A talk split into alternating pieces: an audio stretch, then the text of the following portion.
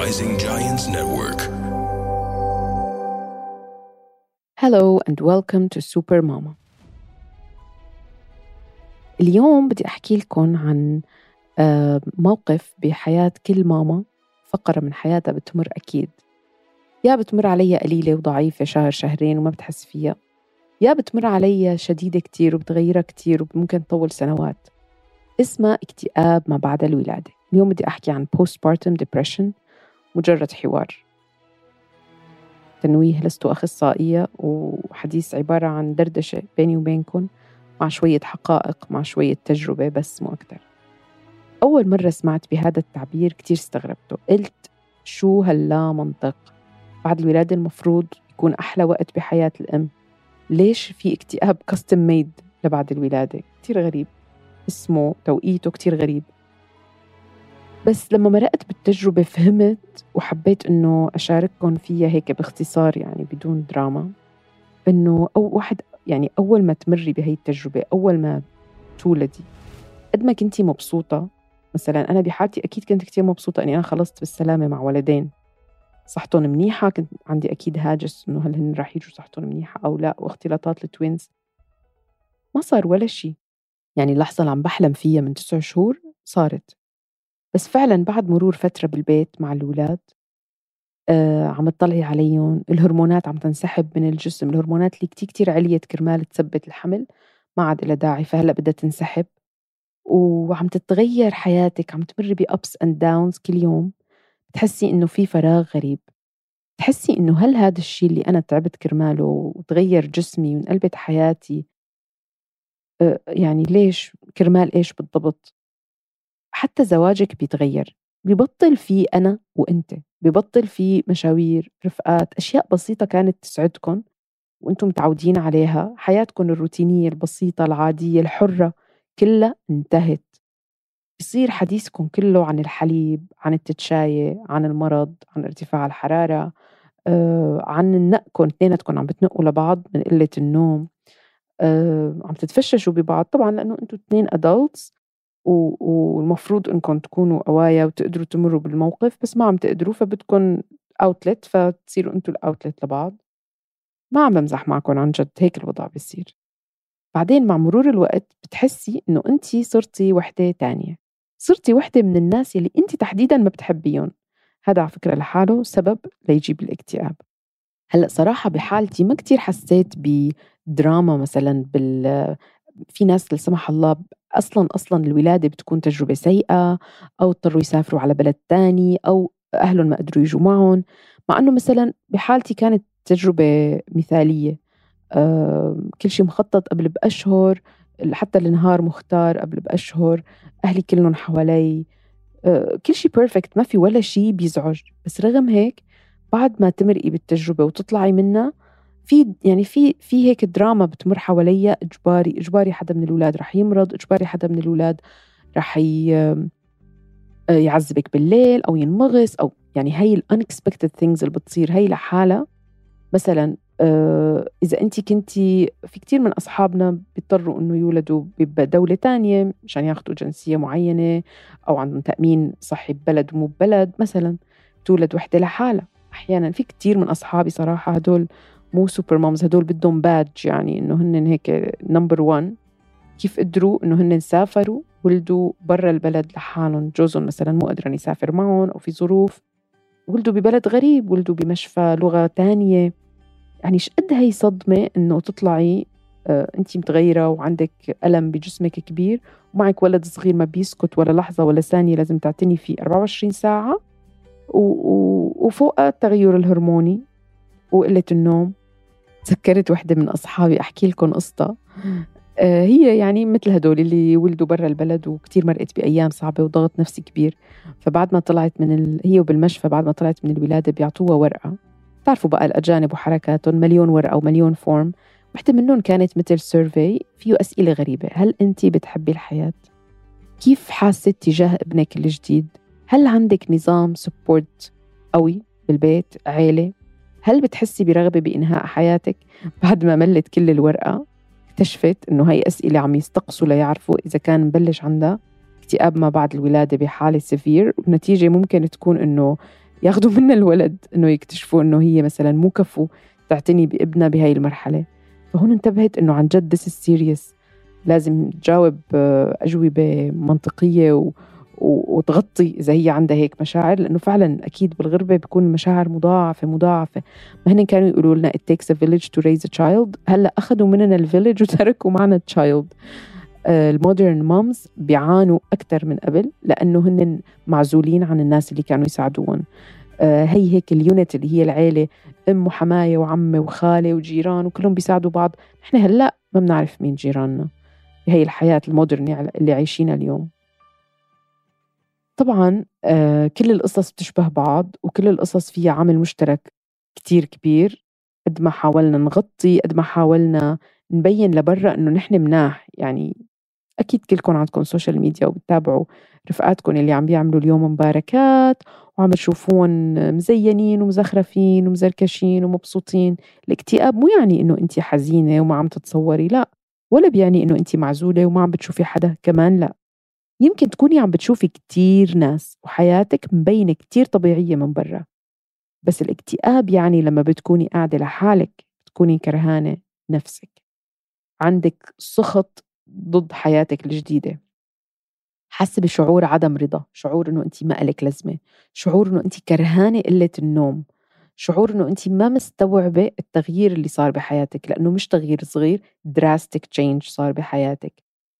مثلا أنا ما حدا قال لي إنه أنت مكتئبة بس أنا كنت عم بحس إنه أنا صرت وحدة تانية وما كنت أحب حالي أبدا بفترة طويلة بعد الأولاد. صراحة ما وثقتها يعني ما بعرف كم شهر استمرت بس فعلا كنت كنت بطلع وبشوف عالم وحياتي الحمد لله الحمد لله مليئة بالناس آه، قرايبين وأصحاب ومعارف يعني I'm so sociable مشان هيك أنا اليوم هون عم بحكي قصتي للناس غرب. بس عن جد إنه حلو إنه الإنسان يكون بحب يتفاعل مع الآخرين ما بالأخير الحياة كلها تفاعل. الجنة بلا ناس ما بتنداس والحياة بلا ناس ما بتسوى شيء فحلو إنه يكون عندك ناس حواليكي وتكوني قدرانة إنك تضلي محاوطة ب support system هو أكثر شيء ممكن يساعدك أكثر شيء ممكن يعني بتذكر أختي الصغيرة اللي كانت يمكن عمرها وقتها 16 سنة يعني ما بتعرف إنه تساعدني ما مرت بتجربة ولا بشيء بس هيك وجود إنه نحن قاعدين مع بعض بتمسك ولد معي شوي بنحكي شغلات تافهة بنضحك شوي هاد لحاله كان بحسسك إنه خلص أنا لساتني مثل قبل لسه فيني آه، أكون هيك the usual me أعمل أشياء بسيطة بتسعدني. يمكن هي الأشياء الصغيرة كتير تساعدك. بحالتي مثلا قريت كتاب لإليف شفق اللي هي كاتبة تركية كتير مشهورة ما بعرف عندها كتاب uh, The 40 Rules of Love اللي هو كتاب كتير انشهر عالميا اسمه قواعد العشق الأربعون. كتب كتاب تاني اسمه الحليب الأسود. هذا عن جد لما قريته حسيته يعني شخص المشكلة ورسمها هيك مثل واحد رسم لكم إياها بريشة على ورقة إنه أنتم مشكلة عم تتخيلوها بخيالكم. بس لما رسمها شفتوها. هي شو قالت؟ قالت إنه تجربتها هي جابت ولدين ورا بعض. انعزلت عن حياتها وعن كتابتها وقعدت بالبيت فترة كتير طويلة وهي ما كانت الحياة اللي هي بتحلم فيها. ف شرحت إنه الاكتئاب صارت تحس فيه مثل وحش كبير سمته يمكن إذا ماني غلطان غلطانة لورد بورتون. سمته مثل وحش كبير يجي بزاوية الغرفة فجأة يصير يكبر يكبر ويسيطر عليها.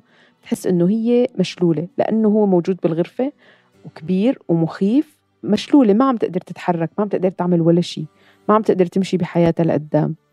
لبين ما مرق وقت وشفيت شوي شوي وبالأخير قررت إنه هي تتغلب على الوحش معنويا. تتخيل إنه هي آه، آه، تغلبت على مشاعرها وشللها وقامت وصارت تضربه بعصا كبيرة وتضربه.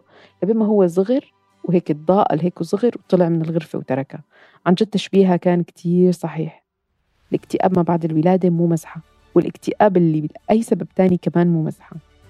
وهذا الشيء بذكرني بنوع ذكاء جديد بيحكوا فيه اليوم بعد ال IQ اللي هو ال intelligence العادي وال EQ اللي هو ال emotional intelligence هلأ صاروا يحكوا بال adversity intelligence يعني ذكاء التأقلم مع المواقف المتغيرة بالحياة بسرعة كبيرة.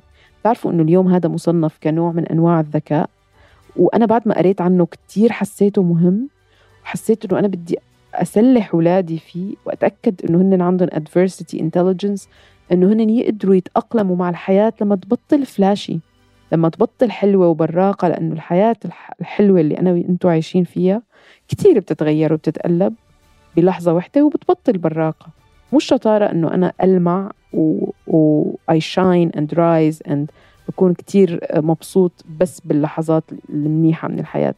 الأشطر إنه أنا حتى باللحظات اللي هي كتير سيئة يكون عندي وسائل للتأقلم ووسائل إني ما أفقد توازني النفسي وأكمل أكمل. أنا ما عم بقول إنه أنتم تكونوا بهي اللحظات كتير مبسوطين ومتفائلين ومقبلين. لا لا.